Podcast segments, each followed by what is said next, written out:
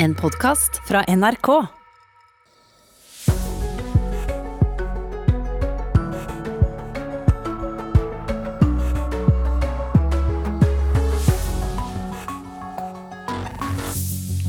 God morgen, folkens. Her er Nyhetsmorgen, og vi skal eh, dykke dypere ned i det du hørte i Dagsnytt nå. Vi skal bl.a. snakke om denne nye Økokrim-rapporten. Tina Søreide, professor ved Norges handelshøyskole, hun sitter eh, klar i eh, studio i Bergen og venter på å slippe til å fortelle om kriminelle som nyter tjenestene til profesjonelle aktører her i landet. Vi skal også snakke mer om eh, politiet i Haiti, som altså mener det er flere titalls utlendinger som står bak drapet på landets president. Og verdens yngste land feirer ti år i dag. Men er det egentlig så veldig mye å feire? Vi skal snakke om Sør-Sudan med tidligere spesialutsending for Sør-Sudan eh, for FN, Hilde Frafjord Jonsson, som er med oss om et kvarters tid. Nyhetsmorgen i dag får du med Birger Kåsrud Jåsund i studio. Først skal vi til eh, flyulykken i Sverige. Alle de ni om bord omkom da et eh, småfly styrtet under avgang på flyplassen i Ørebro i går ettermiddag. Det var åtte fallskjermhoppere og én flyver. Reporter Lars Håkon Pedersen, hva vet vi mer om ulykken nå? Nei, Det har ikke kommet så mye informasjon om hva som kan ha skjedd. Eh, vi vet ikke om det er vitner til eh, dette. Eh, ulykken skjedde i, altså i det flyet skulle ta av fra Ørebro flyplass. Hadde så vidt kommet i luften før det styrtet og tok fyr. Slik at alle altså de åtte fallskjermhopperne og flyverne omkom. Foreløpig ikke kommet noen informasjon, men landshøvding Maria Larsson i Ørebro sier til Sveriges Radio at det er en tung dag. Det är naturligtvis en händelse som, som drabbar oss alla med, med stor sorg. Det är en händelse som jag tror kommer att eh, finnas kvar djupt inom oss eh, alla. Vi känner oss alla berörda i Örebro län av det här. Vi vet ikke så mye om hva som skjedde, sier du, men hva vet vi om dette flyet? Ja, Det skal ha vært et ettmotorsfly av typen de Havilland Beaver. Eh, et fly som er regnet som et av de beste å bruke i utmarksområder. Mye brukt i eh, bushen, som man skriver. Eh, antagelig et gammelt fly. Men et fly som ikke er utstyrt med noen type ferdskriver eller taleregistrator. Og Det gjør også granskingen verre, sier flysikkerhetsekspert Hans Kjell til Sveriges Radio denne morgenen. Jag tror att eh, utredningsarbetet blir ganska besvärligt eftersom eh, liksom i förra fallet i Umeå så är det här fallet ett flygplan som inte har krav på svarta lådor exempelvis. Där ju analysen blir mycket säkrare och där man eh, kan höra vad som sades i kabinen och där flygplanets status så säga, kan avläsas på ett mer objektivt sätt och som underlättar för haverikommissionen att fatta rätt beslut. Här är man alltså hänvisad till vittnen och eventuell radiokommunikasjon. De som følger veldig nøye med på nyhetene fra dag til dag, eh, Lars Håkon, de husker kanskje at det var en tilsvarende alvorlig ulykke med fallskjermhoppere i Sverige. Hva kan du fortelle om det? Ja, Det var eh, sommeren 2019, eh, altså for eh, to år siden, i Umeå i Nord-Sverige. Også da styrtet et fly, men det styrtet jo da mens det var i lufta, og de åtte skulle hoppe ut av flyet. Årsaken den gangen var at flyet ble Eller de konkluderte med at det var blitt ustabilt da de skulle begynne å hoppe ut av flyet, og det gikk i, i spinn. Ehm, eh, vi kan også høre hva pressetalsperson Anna Oskarsson i det svenske fallskjermforbundet eh, mener, eh, som hun sier faktisk at de har en god sikkerhet i denne sporten, til tross for at de nå har hatt to svært alvorlige ulykker på to år. Den ulykken har vi jo alle i ferskt minne, og det kjennes jo ekstra tungt nå i dette leget. da liksom och vi vil ju si at vi har en god sikkerhet.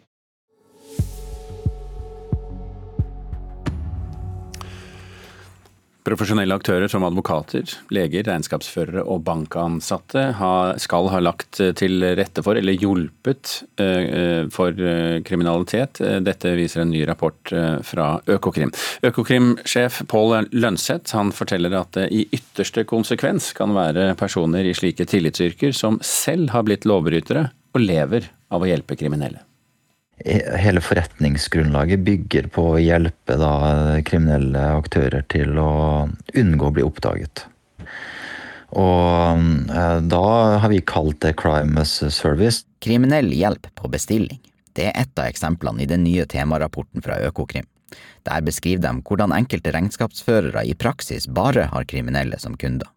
Andre eksempler fra straffesaker og etterretning viser hvordan advokater eller eiendomsmeglere brukes av kriminelle. De bruker eh, profesjonelle aktører og bruker dem da til å skjule økonomisk kriminalitet og hvitvaske økonomisk kriminalitet i en del sammenhenger også. Økokrimsjefen er opptatt av at det ikke er sånn at alle advokater eller regnskapsførere driver med lyssky virksomhet. Disse enkeltaktørene eh, undergraver jo den tilliten, eh, og er med på å svekke svekke den alminnelige tillit til både bransjen og de, vårt økonomiske system som sådan. Og det er svært alvorlig. Vi syns jo det er, er, svært uheldig at enkeltaktører er med på, på å svekke tilliten til, til, vår bransje. Sier konstituert sjef for bransjeorganisasjonen Regnskap Norge, Christian Engeskaug. Han forteller at bransjen vil være ryddig og har egne kvalitetsprogrammer. De arbeider også aktivt mot hvitvasking. Derfor mener han at de få som ikke følger regelboka, ikke bør få jobbe med regnskap. Og De som ikke på en måte følger spillereglene, ønsker vi også som en uh, bransjeforening uh, at man da ikke får lov til å drive lenger. og Det, det betyr jo at man må gi tilbakemelding til Finanstilsynet, som er tilsynsorganet, slik at disse eventuelt da, hvis det er grove brudd på regelverk, blir fratatt sin autorisasjon. Økokrimsjefen mener kriminell bruk av tillitsyrker ødelegger både for den offentlige og den private delen av norsk økonomi. At økonomisk kriminalitet blir vanskeligere å avdekke.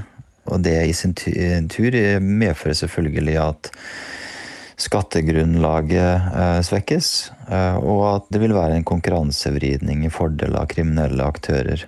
Og det undergraver hele vår økonomiske eh, system. Reporter her, det var Øyvind By Skille. Tina Søreide, unnskyld, Tina Søreide, professor ved Norges handelshøyskole i Bergen, god morgen. God morgen. Undergraver vårt økonomiske system, eh, sier Økokrim-sjefen her. Hvor, hvor, vanlig er dette, vil du si? Uh, nei, det, det, er ikke det rapporten egentlig svarer på, men de viser hvordan saker kan se ut. Hvordan eh, hvordan de som er involvert i korrupsjon, hvitvasking, konkursrytteri osv., hvordan de får, har profesjonelle aktører med seg, og, og, og som vet hvordan systemet kan, kan, utnyttes. Og disse aktørene, Det som rapporten viser, er at de aktørene er ikke eh, bare passive, eller eh, at, at, de, at de bare lukker øynene for det som skjer, men at de har en aktiv tilretteleggende rolle. Altså at de, med, at de selv begår straffbare handlinger. Eh, og dette er, som Økokrim-sjefen sier, en viktig grunn til at, at økonomisk kriminalitet ikke avdekkes. Men med denne rapporten så, så, viser Økokrim hvordan saker kan se ut. og Det vil jo gjøre politietterforskere over hele landet mer oppmerksomme på at de ikke bare skal etterforske det de tenker på som hoved, hovedmenn i noen saker, eller kvinner, men, men også de som er, er, har så, gjerne støttefunksjoner, sånn som leger, advokater, eh, regnskapsførere. Um, I forhold til omfang så, så sier rapporten noe om hvilke typer problemer som er svært sannsynlig at de foregår. Men, men basert på det kan vi ikke vite hvor, hvor stort omfanget er.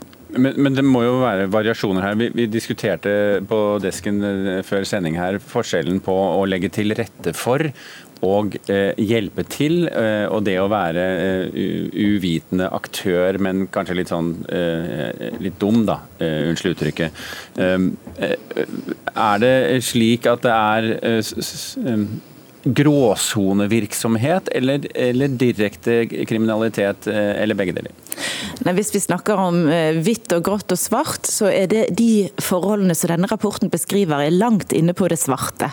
Dette er saker der leger har tatt imot bestikkelser for å, for å manipulere, altså for, for, at folk skal få sykepenger uten lov, eller at de selger resept, at de selger legemidler videre. Det kan være regnskapsfører som, som manipulerer regnskap, eller eiendomsmeglere som aktivt driver dokumentforfalskning. Så, så dette her er ikke bare passiv medvirkning, dette her er direkte straffbare handlinger.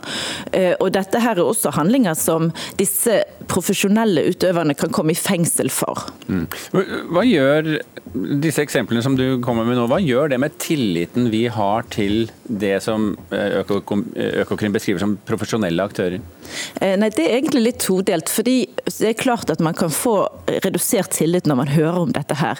Eh, men det at det, at det blir tatt opp, og at Økokrim viser at dette er noe vi må jobbe videre mer med, det kan jo gjøre at folk får mer tillit til, til håndhevingssystemet. Men um, men dette her er også saker som er ganske vanskelig å oppdage, nettopp fordi det er profesjonelle aktører med som vet hvordan man skal utnytte systemet. Så, så, så det er klart at det, at det svekker tilliten i, når man hører om at sånne ting skjer. Men hva gjør man da, hvis man hører om at sånne ting skjer? Altså Advokater og leger de har jo taushetsplikt f.eks. Eh, de har taushetsplikt, men dette her er egentlig ikke den type saker der de bare skal ha, der det er et spørsmål om de skal si fra til politiet eller ikke. For her, dette her er saker der de er aktivt med og begår de kriminelle handlingene selv. Uh, og, og, og, hvorfor uh, altså noe av problemet her er jo at de kanskje har trodd at de, at de er beskyttet pga. sin profesjonelle tittel, og at folk har tillit til dem, og at, de, at politiet kanskje ikke, ikke, går etter de, men går etter andre som de tenker på som, som de hovedansvarlige. Eh, og Derfor så har de kanskje følt seg litt beskyttet. Men med denne rapporten her så kan det hende at sannsynligheten for at de, at de også etterforskes og, og, og, kan komme i fengsel for det de gjør, eh, at den øker. Mm. Tror du at vil, eh, denne rapporten, nå som den er ute, vil eh, få noen konsekvenser? Vil det gjøre at eh, folk tenker seg om to ganger, tror du? Um, ja, Det får vi vente og se, men, men, men her er det, det, er klart at den kan føre til en større strafferisiko for disse gruppene. Men samtidig så har vi en, en et, et i Norge så er vi ikke så veldig gode på det med inndragning av, av, verdier som er opptjent ulovlig. Sånn at Hvis noen av disse eh, aktørene kommer i fengsel, så kan det hende at de faktisk har ganske store midler liggende. Så hvis de har et år i fengsel og, og, og kommer ut og har 25 millioner i banken et sted, så, så kan det jo hende at de, de, synes dette var fornuftig å gjøre selv om de måtte i fengsel. Selv i de sakene der det oppdages. Og det er ganske ille. Så, så det er veldig viktig at ikke bare, at vi ikke bare øker oppdagelsen oppdagelsesrisikoen, men at vi også sikrer at, at straffer og inndragning til sammen har en eh, preventiv effekt. Tina Søreide, professor ved Norges handelshøyskole i Bergen, takk for at du var med oss her i Nyhetsmorgen. Skal skifte tema fullt og helt, for i kveld så går jo Diamond League eh, av stabelen i Monaco. Der skal Karsten Warholm springe sitt første løp etter verdensrekorden han satt eh, under Bislett Games holde men hele veien. Det gjør han. Han er et hav foran Dos Santos. Jobber hardt nå for å komme til den siste ekken. Toucher ikke den heller. Dos Santos kommer. Han vinner klart. Kanskje Warhol var løpere på. Det er ny verdensrekord! Karsten fra det norske havgapet løper fortere enn noen i verden noensinne har gjort. Slik lød det på Bislett stadion for ni dager siden, da Karsten Warholm tok verdensrekorden på 400 meter hekk på heimebane.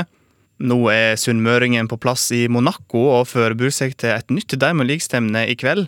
Fra middelhavskysten har han sammenligna rekorden sin med en fødsel. Det er et øyeblikk man har tenkt på mye, men, men når det først går i stand, så er det veldig mange følelser som på en måte krasjlander litt. Da, og da da treffer man en litt sånn lavpunkt, og så er det bare å hente seg opp igjen. For vi vet at vi skal konkurrere igjen nå. Og hente seg opp igjen har Warholm gjort, for eh, treneren hans eh, Leif Olav Alnes mener hviletida mellom løpet på Bislett og Monaco har vært perfekt. Nei, det først, Normalt sett så er det fordi du skal få hvilt litt og restituert litt etter stevnet. Det ble litt spesielt fordi det ble et et resultat som var litt spesielt. Og da, og da det, det er ganske mye reaksjoner og etterreaksjoner sjøl, og da tar litt tid å lande. Når hviletida har vært god, ligger det godt til rette for å springe fort i Monaco. Det er en rask og bra bane, så det er i hvert fall forutsetningene er der. Da, og Så får vi bare prøve å gjøre vår jobb eh, så best som mulig. Reporter her, det var Henrik Thorsnes Torsnes Lefthal. Og Diamond League kan du enten høre her på NRK Sport-appen vår, eller på NRK2 fra klokken 20 i kveld. Klokken passerte nettopp 18 minutter over sju. Du hører på Nyhetsmorgen. Overskriften vår i dag er at eh, alle de ni om bord omkom da et småfly styrtet under avgang på flyplassen i Ørebro i Sverige i går ettermiddag. De ni var åtte fallskjermhoppere og én flyver. Profesjonelle aktører som advokater, leger, regnskapsførere og bankansatte skal ha lagt til rette for og hjulpet eh, kriminelle. Det viser en ny rapport fra Økokrim. Og heng med oss videre. Verdens yngste land, Sør-Sudan, feirer i dag sine ti første år som nasjon. Men eh, hvordan går det egentlig med nasjonsbyggingen der? Ikke så veldig bra, egentlig. Vi får straks besøk av tidligere FN-utsending og tidligere utviklingsminister Hilde Frafjord Jonsson. Det var minst 28 eh, gjerningspersoner, to amerikanere og resten colombianere, som sto bak attentatet mot presidenten i Haiti. Det mener politiet, som i går eh, viste frem flere av disse personene. Natt til onsdag ble president Jovenel Moise brutalt myrdet i sitt hjem utenfor hovedstaden Port-au-Prince. Utenriksreporter Kari Skeie, hva vet vi mer om personene som politiet nå peker på som drapsmenn? Ja, Haitis politisjef Leon Charles sa seint i går kveld at utlendinger har kommet til vårt land og drept presidenten. Til sammen 15 colombianere og to amerikanere som er av haitisk opprinnelse, er pågrepet, ifølge politiet. Tre colombianere er drept, åtte er på frifot, og elleve av de som nå er pågrepet, ble arrestert på den taiwanske ambassaden i Haiti. Ifølge den taiwanske utenriksministeren så skal disse ha brutt seg inn i ambassaden. Og I går så ble flere av de mistenkte vist fram for journalister sammen med våpen og annet utstyr som skal ha blitt brukt under attentatet. Men det er et spørsmål som, som jeg eh, lurer på. Hvordan er det mulig å bryte seg inn i presidentens bolig, eh, som jo presumptivt er godt bevoktet? Ja, det er det veldig mange i Haiti som spør seg om om dagen. Eh, presidenten hadde selvfølgelig vakthold døgnet rundt, og en mann som er intervjua på gata av nyhetsbyrået Reuters, han sier dette.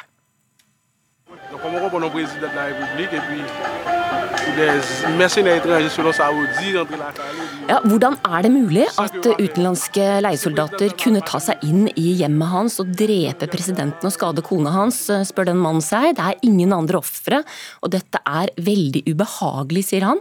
Påtalemyndighetene i eh, Haiti sa i går at presidentens sikkerhetsvakter nå skal avhøres, men foreløpig så har ikke myndighetene sagt noe om hva som kan være motivet til drapet. Hvordan er situasjonen i Haiti nå?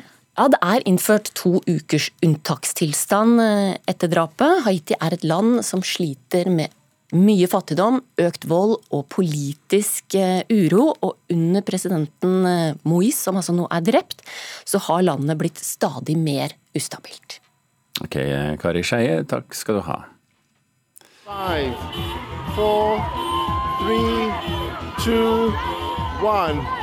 Africa's 54th nation, the Republic of South Sudan, is born.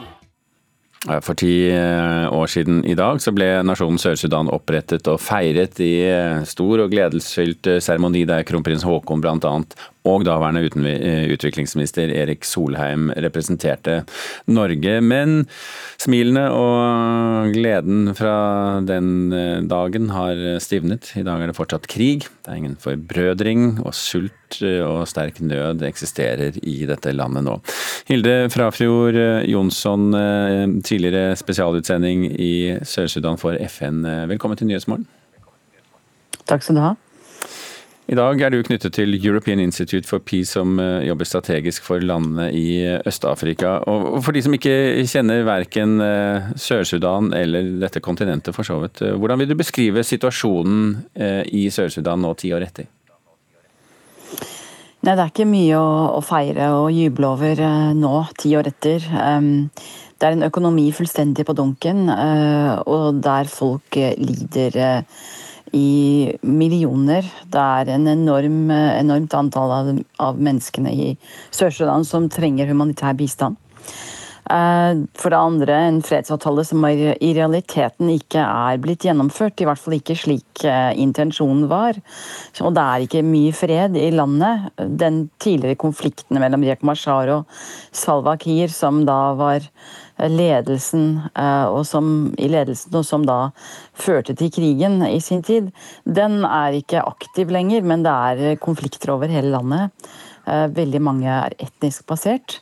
Og for det tredje, vi har også en president som er stadig mer isolert. Og hvis mandat løper ut i dag uten at noen egentlig vet hvordan han har tenkt å håndtere det Han ønsker nok å fortsette og vil nok sørge for det, men uh, folk er veldig sinte. Og det er et ekstremt høyt spenningsnivå i Juba nå. Det er skyhøyt. Og folk er redde for hva som kan skje. Hvorfor har det gått så galt? Det er det forferdelig mange svar på. Ehm, jeg har eh, skrevet en, en, en bok på 300 sider om, om, alle de ulike tingene som, som eh, har gått galt, men Ta det nå på 30 sekunder, er det greit? Ja, Den viktigste årsaken er, er dårlig lederskap eh, og manglende evne til å Eh, ta tak i landets utfordringer og bygge landet. Eh, og det er dessverre slik at eh, vi har hatt et lederskap i dette landet, både Salwa Kiir selv, som da sitter fortsatt som president, men også ledelsen i den tidligere opprørsbevegelsen SPLMA, som tok over, som ikke har levert. Og så er det selvfølgelig veldig veldig mange andre grunner. Ja, men hva er det viktigste å få på plass på kort sikt? Det er eh, rett og slett eh, nå et behov for at regionen trår til eh, og bidrar til å få til en, en overgang og en overgangsløsning for Sør-Sudan, som har tillit på tvers, og som har tillit til befolkningen. Uten det så er jeg redd vi vil se konflikter og uro i veldig lang tid framover. Og at det bare går enda verre. Og den verste scenarioet, det er at at landet rett og slett fragmenteres som resultat av dette, og ikke er styrbart. Og hvor, Det er et scenario ingen ønsker. Hvor sannsynlig holder du det for å være at regionen eh, å si, gjør det du ber om da? Jeg tror at Uganda og Kenya kanskje er de som nå har uh, mulighet og, uh, og, kan møstre politisk vilje til å gjøre det. De andre landene har så mange kriser selv at de har ikke kapasitet til å trå inn. Men jeg håper de to uh, lederne kan bidra. Ok, Hilde Frafjord Jonsson, takk for at du var med i Nyhetsmorgen.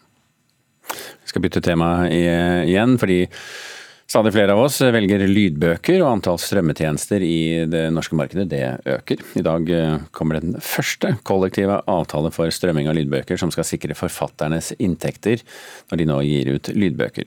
Forfatter Jørn Lier Horst mener riktignok at forfatterne burde fått en større del av inntektene. Han myste mot skjermen og åpnet nettleseren. De skrev om Agnete Roll. Hun forsvant samme dag som Wisting hadde gått ut i ferie, men ble først meldt savnet to dager senere. Dette er et utdrag fra boken Sak 1569 av Jørn Lier Horst. Til tross for at det er den mest strømmede lydboken i juni, har ikke inntekter gjennom strømming til forfatteren vært høye. Siden strømmetjeneste for lydbøker kom på markedet, har forfattere fått ti kroner per avspilling. I dag kom den nye avtalen som skal sikre at forfatterne får større andel av inntektene men Horst mener det ikke er godt nok. Jeg tror det er mange forfattere som ikke vil være fornøyd med denne avtalen.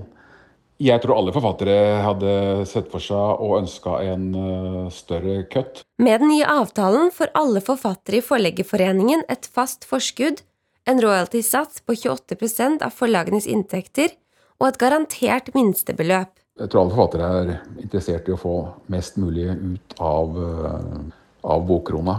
Og Du må også huske på at det her eh, er det jo forlag som sitter på begge sider. Det er jo forlag som også eier strømmetjenestene, eh, så de høster jo inntekter eh, fra begge sider. For to år siden begynte forhandlingene om den første kollektive avtale for strømming av lydbøker.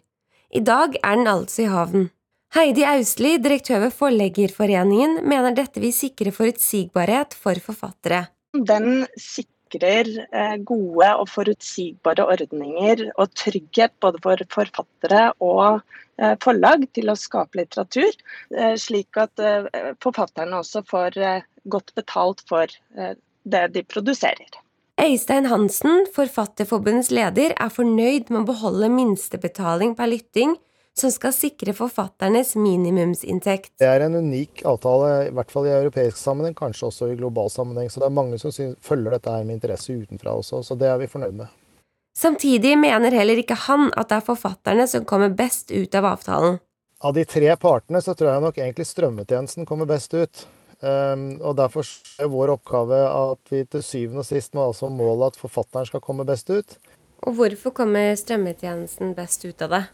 Det er vel sånn det er med alle markeder. At uh, den som sitter på distribusjonen, den dikterer vilkårene for alle som leverer til det markedet. Og det er ikke noe annerledes her. For Horst innebærer avtalen dårligere vilkår enn det han har i dag. Så hvordan man skal forholde seg til en normalkontrakt som er dårligere enn dagens kontrakt, uh, blir litt vanskelig å forutsi, faktisk. Er du skuffet over avtalen? Jeg hadde jo håpa at en større andel av uh, boklåna skulle gå til forfatterne. Forfatterforeningen sier til NRK den er eh, glad for at en kollektiv avtale er eh, landet, men at forfatternes andel av strøminntektene fortsatt ikke er stor nok. Neste leder i Forfatterforeningen, Amalie eh, Eh, Kasin Lerstang sier det til oss i dag. Reporter her, det var Aida Korami. Ja, nå Klokken eh, nærmer seg halv åtte. Det betyr at Tone Nordahl snart er eh, klar med Dagsnytt. La meg minne om at vi har en kronikk ute skrevet av Tom Christiansen og Anders Breidelid om sult, Sør-Sudan og Sikkerhetsrådet. Les den. Sommer i P2. Jeg løp gjennom det majestetiske landskapet i Lofoten. Musikken på øret kledde omgivelsene. Det var som en drømmesekvens i en film, og det lindret i kaoset. Jeg heter Sondre Lerche, og i Sommer i P2 forteller jeg om sangene som reddet meg gjennom min første koronasommer. Sommer i P2 i dag klokka ni.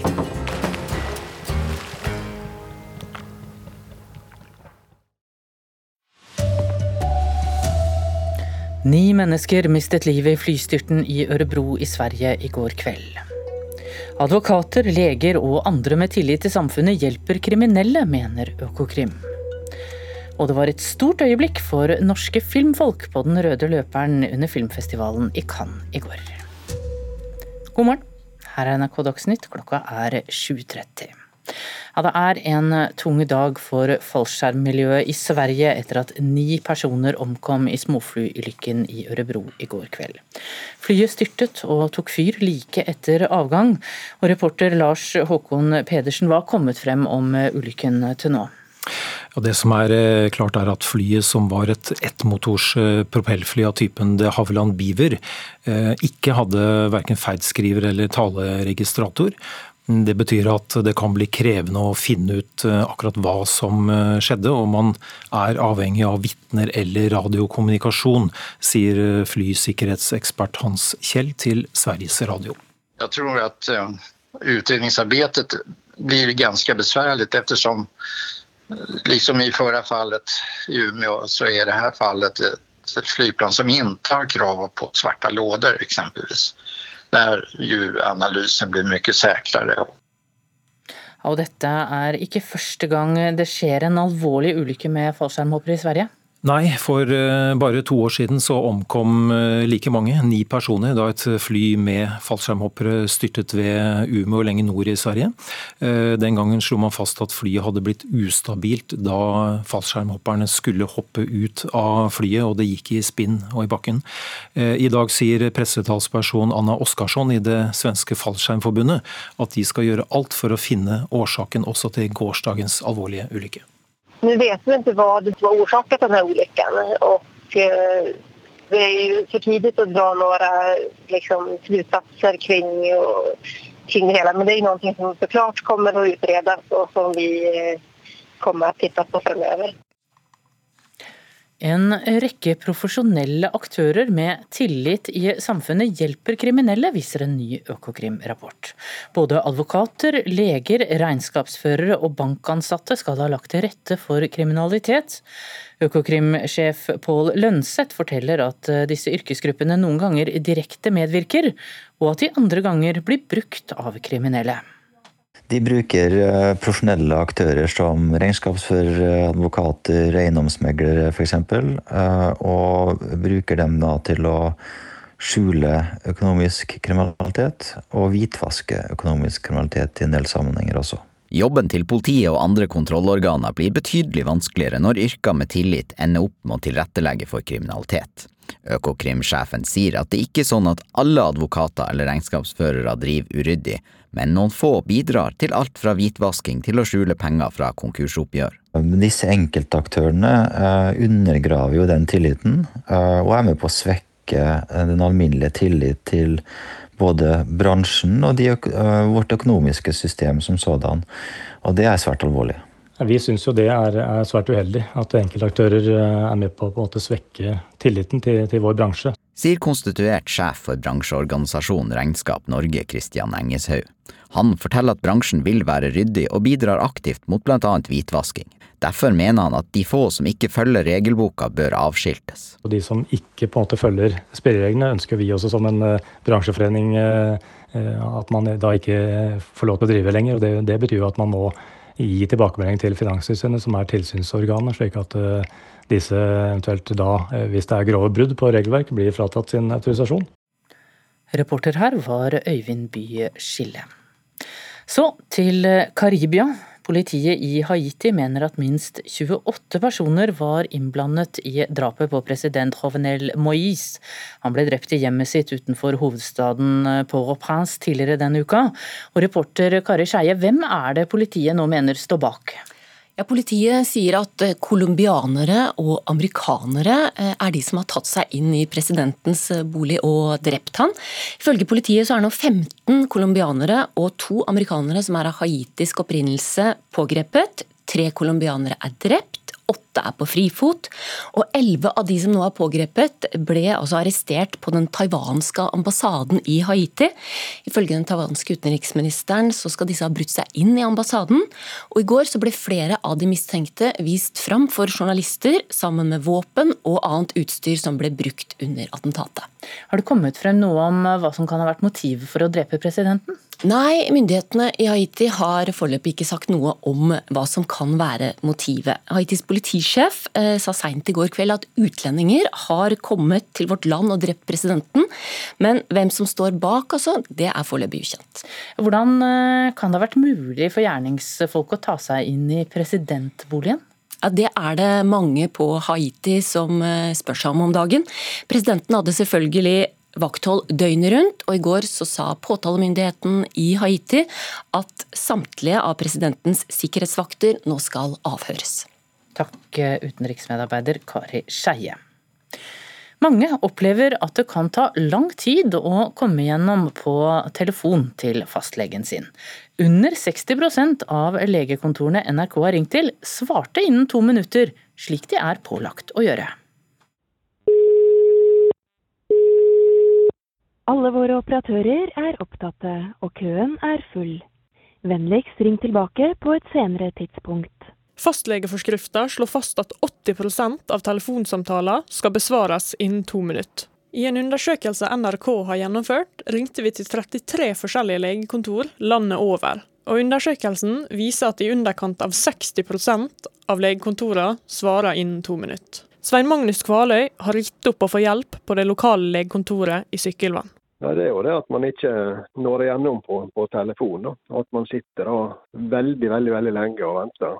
Og Det har jo endt med at jeg til slutt har bare kjørt ned og så prata med de i skranken istedenfor. For det har ikke vært hensiktig å sitte på telefonen. Statsforvalteren i Møre og Romsdal oppfordrer folk til å klage om de opplever lange telefonkøer til fastlegen. Assisterende fylkeslege Vegard Ansok forteller at statsforvalteren nå vurderer å starte tilsyn. Statsforvalteren må vurdere de opplysningene vi får både direkte gjennom klage og saker vi ser omtalt i media. Svein Magnus Kvaløy forstår ikke hvorfor det er så vanskelig å få svar i telefonen. Det burde nå gå an å få tak i legen. Man ringer jo for en grunn. Vi har stor pågang akkurat nå. Det blir litt ventetid. Vennligst hold linjen. Reporter her var Oda Flatnes. I Montana i USA er en kvinne drept av en grizzlybjørn som dro henne ut av teltet der hun sov. Den 65 år gamle kvinnen var på sykkeltur og hadde slått opp teltet ved byen Ovando.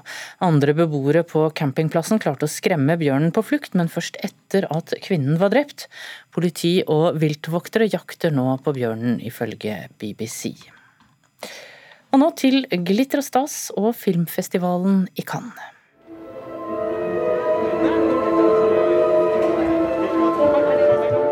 Et nous accueillons l'équipe du film Julie Ja, slik hørtes det ut i går kveld da regissør Joakim Trier spaserte opp den røde løperen. Der hadde hans siste film verdenspremiere, og den skal også være med i konkurransen om den gjeve Gullpalmen. Og reporter Thomas Alverstein Ove, hvor stort øyeblikk er dette for norsk film? Dette er stort. Mange mener Cannes er verdens viktigste filmfestival, og kulturminister Abid Raja han eh, sier det nesten er som å vinne VM i film, bare å være med i denne konkurransen i Cannes. Med på premieren og opp eh, løperen på 'Verdens verste menneske' sammen med Trier, så var selvfølgelig de som utgjør trekantdrama i filmen også. Renate Reinsve, Anders Danielsen Lie og eh, Herbert eh, Nordrum. Ja, når var sist en norsk film med i konkurransen om denne gullpalmen? Da må vi tilbake til 1979, altså for 42 år siden. Da med en film av Anja Breien. Men Trier han har vært der før. Han var med i kampen om Gullpalmen i 2015. Da med den engelskspråklige filmen 'Louder Than Bombs'. Og så var han med i sideprogrammet Et spesielt blikk med Oslo, Oslo 31. august. Så han er ingen ukjent regissør lenger i, i Cannes. Og mens vi da snakker om dette sideprogrammet, der er enda en norsk film med, nemlig Eskil Fugts De uskyldige. Fugt har også vært med å skrive manus til eh, Triers film, og eh, dermed har vi to filmer i det offisielle programmet, og det er, det er første gang i Cannes historie. Fem sekunder har du på deg. Når deles Gullpalmen ut? Det skjer neste lørdag, altså om en drøy uke. Takk, Thomas Alvarstein Ove. Og vil du høre anmeldelsen av filmen, så kan du høre på Nyhetsmorgen i P2 etter 8.30. Ansvarlig for Dagsnytt i dag er Elin Pettersen. Her i studio Tone Nordahl.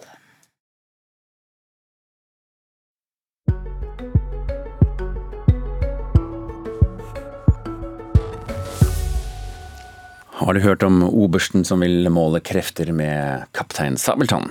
På Kongsvinger så opplever de nå stor suksess med sin nye storslåtte kultursatsing i millionklassen. Det har vært fullt hus hver kveld under forestillingen som spilles under åpen himmel. Og skaperne de håper på å konkurrere med den berømte sjørøverne i sør. Nå skal Klara åpne porten, og festningssverdet bli mitt. En norsk festning blir truet av en ond heks og svenske soldater med en utspekulert plan. I alle fall om man lever seg inn i den nye storsatsingen, oberst Kreps og jakten på festningssverdet. Familieforestillingen i Kongsvinger er en millionsatsing. De to hjernene bak det hele holder ikke igjen når de kaller forestillingen for Norges nye store familieopplevelse. Regissør Harald Engan og produsent Martin Høgberget er dønn ærlige på at de har latt seg inspirere av en viss berømt sjørøver. Har dere en liten sabeltanndrøm? Ja, vi har ikke, jeg skal ikke nekte for at vi har snakket om sabeltann underveis disse to og et halvt årene. Nei. Nei. Som et slags eksempel eller noe. og det er jo ikke så mange kvelds, eh, store kveldsforestillinger for barn i, i, Norge, så det er jo en naturlig sammenligning. Men jeg syns det er veldig fint at vi har klart å bruke faktisk lokal historie som finnes her, og klare å formidle det til uh, ungdom på en måte som ikke er kjedelig, men som er rett og slett skikkelig gøy. For ja, oberst Kreps han levde faktisk på 1700- og 1800-tallet. Men hvem var han egentlig? La oss høre med Glenn Løybrekts, mannen som gestalter hovedrollen har jo eh, selvfølgelig latt oss uh, veldig inspirere av, av, de historiene og hvem han faktisk var. Men så har vi tatt noen kunstneriske friheter i det universet her. Så han er veldig Han er jo glad i å rappe og på en måte Han er en sånn kul, litt nonchalant type. Ingen han var kommandant rundt 1814, og det vet vi jo alle at 1814 var jo, er en sentral tid i norsk historie. Til og med i Oslo så er det en oberst gate, så han har satt sine spor uh, både her og der. Det er tydelig at de ønsker å etablere en fast sommertradisjon på Kongsvinger. Men hva krever det egentlig å skape et kulturfyrtårn av samme kaliber som f.eks. Sabeltann? Markeds- og kommunikasjonsdirektør i Kristiansand dyrepark, Anniken Bjørnstad Skjøtt, hun har innsyn i suksessoppskriften.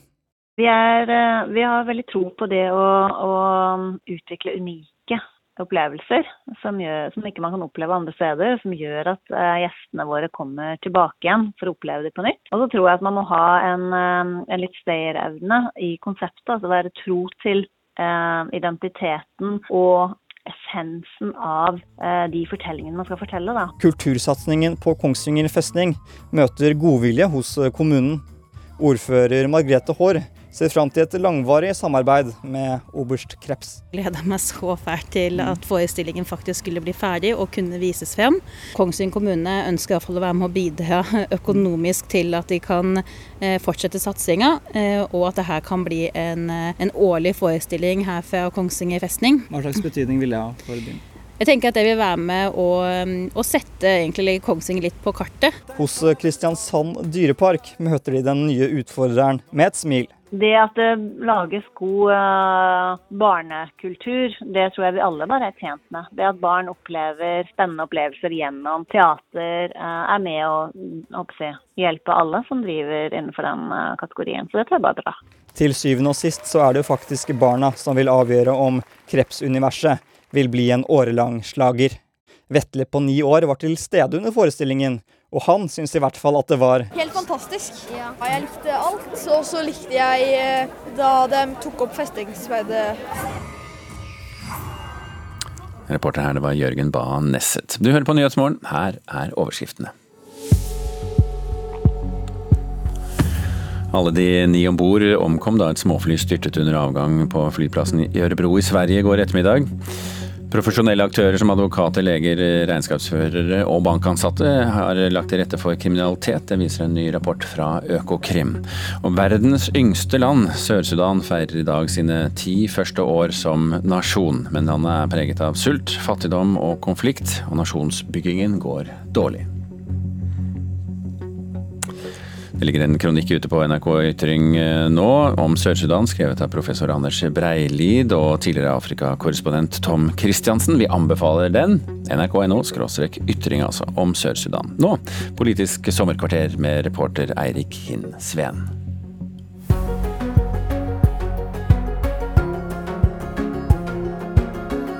Det som blir omtalt som radikalt, er jo den nødvendige politikken for å gjøre det forskerne sier at vi trenger å gjøre for å ta vare på vårt eget livsgrunnlag. Hvis vi ikke lykkes med å snu utviklinga, og at hvis vi ikke klarer å ta vare på vårt eget livsgrunnlag, så er det på en måte ikke så veldig mange andre politikkområder som egentlig er viktige om 100 år for å sette veldig på spissen. Jeg sitter jo her og sier at alternativet til MDG-politikk er at eh, jorda ikke eksisterer om 100 år. ja, det, var, det vil jeg si. Altså, jeg sa at jeg satte på spissen, og det gjør jo du også i så fall. Jeg heter Chris Rokkan Iversen, og jeg er nestleder i MDG.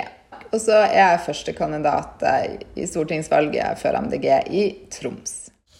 Skal jeg hjelpe? Ok, Det blir veldig veldig varmt her, så jeg tror kanskje vi burde skru ned varmen. Hjemme i Harstad har hun fyrt opp stormkjøkkenet ute i fjæra sammen med kjæresten og hvert deres barn. Ei fjære hun vil bevare. Kampen mot å bygge ned både fjære og skog var noe av det som førte til at Chris Rokkan Iversen for ett og et halvt år siden meldte seg inn i Miljøpartiet De Grønne. Kun få måneder senere forlot hun stillinga som viserektor ved UiT Norges arktiske universitet, og ble MDGs nestleder. Klar for å kjempe for at Norge skal gjennom store endringer. Norge har tjent seg rik og har bygd et velfungerende eh, velferdssamfunn og en velferdsstat eh, på eh, en næringsaktivitet som ikke er bærekraftig for jorda. Nå er det jo masse land rundt oss som på, som har bestemt, sånn som Danmark, ikke sant. Vi, vi skal slutte å lete etter olje, vi skal ut av oljeproduksjonen. Og det er flere og flere land som gjør det nå. Mens vi sitter og tviholder på en tanke om at det her skal vi holde på med i flere tiår fremover, når vi står i ei egentlig livsfarlig klima- og naturkrise. For meg så er det ingen logikk i det. Det handler ikke om Det er ikke rasjonelt. Det handler om følelser og identitet, er min påstand. Følelser og identitet? Ja, hvis man skulle I stedet for økonomisk vekst og utvikling av pengene? Eh, det er jo heller ikke sant. Det er veldig ofte at miljøbevegelsen, f.eks. Folkeaksjonen for LoVC, blir liksom anklaga fra spesielt petroleumsbransjen for å være liksom følelsesstyrt. Men jeg tenker faktisk at det kan like gjerne være at det er omvendt. At vi er så Vi sliter så liksom emosjonelt og identitetsmessig med at det som på en måte er vår store stolthet i forhold til at vi klarte å utvikle oss til å skape et oljeeventyr som uten at man hadde kunnskap om konsekvensene, var en veldig god fortelling som, som, som medførte en voldsom velstandsøkning i mange mange år. At vi er egentlig nødt til å omskrive slutten på den og på en måte skrive oss ut av den. Jeg tror faktisk at det er vanskelig for mange å forholde seg til at, at det vi driver med nå, er ikke lenger et eventyr. Du mener egentlig det at vi, vi lever på en måte i oljeromantikken, og den vil vi ikke gi slipp på? Kanskje vi lever i en slags eh, petroleumsfornektelse. Altså, jeg har forståelse for det. Altså, det her er jo ikke til forkleinelse for alle som har gjort en, en helt utrolig bragd egentlig med å løfte Norge inn i oljeindustrien i sin tid. Og tenk alle de tingene vi fikk til. altså Pionerånden og liksom, Det var ingenting sånn her, det var ingen som sa 'dette klarer vi ikke'. Det var sånn her, hent kunnskap utafra, prøve ut nye løsninger, og til slutt så fikk vi en av de fremste leverandørindustrier også innenfor petroleum som finnes i hele verden. Alt det der Sånn, jeg, er jo, jeg, er jo, på en måte stolt av det. Liksom, alt det du, vi har. Du beundrer det? Du har respekt for det? Jeg har respekt for det. og liksom, tenk på at Det viser jo også hva vi er i stand til. Og det er jo det jeg blir sånn her, litt sånn sjokkskada over. at Når man sier at ja, men vi må faktisk snu oss, så skjer ikke det. Eh, for at man heller vil se bakover. Eh, og så tenker jeg litt sånn her, hva skjedde med pionerånden? Kanskje fordi vi har et alternativ nå, og det er å fortsette med oljen. Den gang hadde vi ikke et alternativ. Nei, men det er jo ikke et alternativ.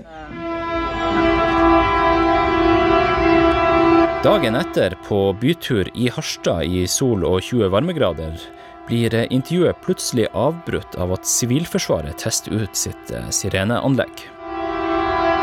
Nei, det er jo en sånn her, det, det, det sier vel sånn her fare oppstår, faren er over, eller noe sånt. Men apropos fare, er det fare for at MDG kanskje ikke når sperregrensa eh, til høsten? Eh, jeg tror eh, at eh, MDG har veldig gode muligheter for å komme langt over sperregrensa. Vi har aldri ligget så høyt i, i gjennomsnittet av målinger over så lang tid som vi gjør nå. Hva skyldes det at MDG har fått mest makt i de større byene, men ikke i distriktene? Så det kan jo på en måte være litt sånn tilfeldig da, i forhold til at man har hatt eh, sterke lokallag med sterke kandidater og politikere som tilfeldigvis har bodd i by. Eh, og så kan det jo ha noe å gjøre med eh, hvordan folk forholder seg til klima- og naturkrisa, litt ut fra hvordan de bor, da. Du har sagt til meg at du eh, ikke ville blitt med i MDG om eh, det ikke var for at du mener at det er nettopp MDG som har den beste distriktspolitikken. Kan du utdype det? Eh, ja, og da er jo mitt utgangspunkt eh, som alltid at vi alle står i klima- og naturkrise, og at distriktene eh, kommer til å bli hardt ramma, spesielt oss i nord. Det er her klimaendringene treffer først og hardest, så vi begynner å se konsekvensene av dem, og de går utover primærnæringen. Synes du det her er et budskap som folk med helt hverdagslige utfordringer i distriktene er klar nå for å ta inn over seg? For noen ut av oss som bor i distriktene, så tror jeg det allerede eh, på en måte treffer og gir eh, gjenklang. Og for andre så tror jeg at det er en liksom, modningsprosess, da. Meningsmålingene de er jo tydelige på at det, det treffer kanskje ikke så, så, veldig godt. Dere er store i Oslo, men i veldig mange av de her valgkretsene så ligger dere på gjerne mellom 1,5 og 3 Hvorfor treffer de ikke bedre? Nei, Det er et veldig godt spørsmål. Og eh, jeg tror eh, som sagt at jeg mener at vi har politikken, så det handler jo om å kommunisere det budskapet på en god måte, ofte nok over lang nok tid. Samtidig som det jo på en måte spiller mot det som skjer i samfunnet for øvrig. da. Så eh, jeg mener jo at det er en del fordommer i forhold til eh, hvordan politikk MDG har. da. Med, med, bra distriktspolitikk, som du sier at MDG har, så vedtok jo landsmøtet i mars at dere skal fase ut fossile personbiler fra og med 2023. Forstår du at det ikke er politikk folk med lange avstander i distriktene trenger? Altså, det her er jo sammensatt, ikke sant. Og det, det handler jo om hvordan vi som samfunn i lag skal klare å nå klimamålene og komme oss ut av klima- og naturkrisa. MDG har jo sagt at vi er villige til å, å søke makt. Eh, og så har jo vi sagt at vi ønsker å bytte ut den sittende regjeringa fordi at vi mener at de ikke har levert på eller gjort eh, jobben sin på eh, klima og miljø de siste åtte årene. Og da har vi sagt at det er naturlig å peke på at, at det er Arbeiderpartiet vi vil snakke med først. Arbeiderpartiet da, de er ikke så interessert i å samarbeide med dere. Johan Gahr Støre, Ap-lederen, har jo sagt at bl.a. i energipolitikken er avstanden for stor. Ja, eh, jeg er jo eh, litt nysgjerrig på om man eh, faktisk eh, kommer til å mene det, da. Og så eh, eh, kan man jo si mye på forhånd som man kanskje justerer kursen på etter hvert, da. Nå er jo det av og til kan jo det oppleves som litt sånn underlig også, da, i og med at MDG sitter jo i posisjon i flere store byer i Norge.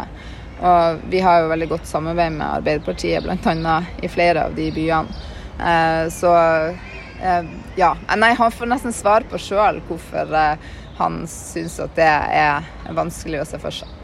Og etter at Jonas sa, sa, det han sa i november i fjor, så under landsmøtet i mars vedtok dere bl.a. at Eh, norske oljefelt skal stenges innen 2035 og, og redusere klimautslippene med 95 eh, Hvor god søknad til samarbeid med Arbeiderpartiet var det? Altså, Vi har, definerer jo ikke vår politikk og vedtar jo ikke vår politikk ut fra hva som passer Arbeiderpartiet. Vi eh, har jo et partiprogram og gjør jo våre politiske vedtak på basis av kunnskap og det som forskerne og FN sier er nødvendig for å løse klima- og naturkrisa. Hva er din beskjed til den oljevennlige fløyen av eh, Arbeiderpartiet for å omfavne en politikk som vil legge ned industrien deres? Ja, det er jo at eh, det er jo det eneste rasjonelle å gjøre, og det, og det tryggeste å gjøre. Eh, både for de som jobber i olja og for velferdssamfunnet i Norge. At vi får på plass en langsiktig og planmessig utfasing av olja.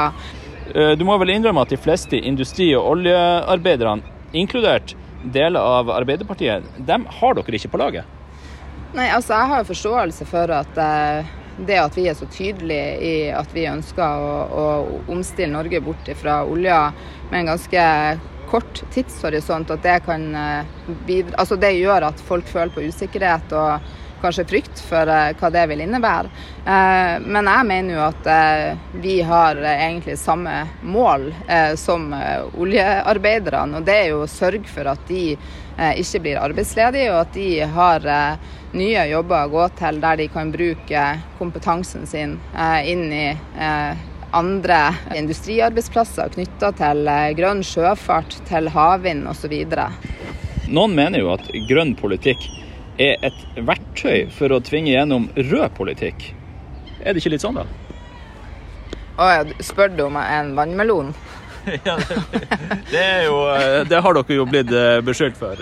Fabian Stang og flere har jo ment at Miljøpartiet De Grønne er en, en, en vannmelon. Den er grønn utpå, og så er den blodrød innvendig. Altså, Jeg mener jo at uh, vi er det vi sier at vi er, altså et uh, blokkuavhengig parti. Men hvorfor klarer dere ikke å kvitte dere med det inntrykket, hvis det ikke er helt riktig? Mm, det er jo uh, et interessant spørsmål. Um, jeg tror jo noe av årsaken til det er jo at vi i Norge har et aksesystem som kanskje begynner å bli litt utdatert, men som handler om høyre- og venstresida i politikken. Og som har gitt mening, sånn som samfunnet var tidligere. Vi mennesker har jo veldig behov for å eh, putte ting i bokser og katalogisere ting. Og når MDG ikke passer med boksene, så blir man jo litt frustrert. Og så passer man, putter, man de, putter man oss der, man, man eh, liksom, der det passer Altså der man liksom føler at det burde være. Vi kan jo på en måte ikke plasseres helt i forhold til det aksjesystemet. Vi er grønne. Men eh, på landsmøtet så tok dere jo til orde for, for, en rekke økning i avgifter, skatter, diverse. Er ikke det rød politikk? Eh, jeg vet ikke, for jeg er jo ikke Altså, jeg er jo grønn politiker, så er det det? Jeg vet ikke.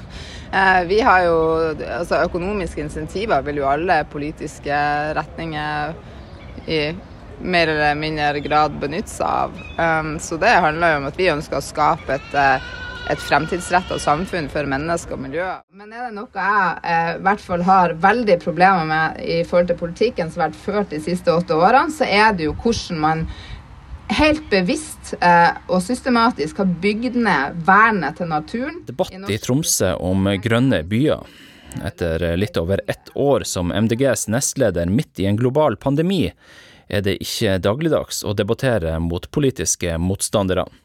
Og på spørsmål om hvem av dem hun liker mest, blir det vanskelig å svare. Sånn uten å ha tenkt meg om. Uh, har du aldri tenkt på det før? Uh, Se, kan jeg bare tenke bitte litt? Uh, altså, jeg vet ikke hva som svarer på det. Hvis jeg er favorittpolitiker, så velger jeg å tenke på politikere som jeg syns er dyktige innenfor sitt uh, felt. Da.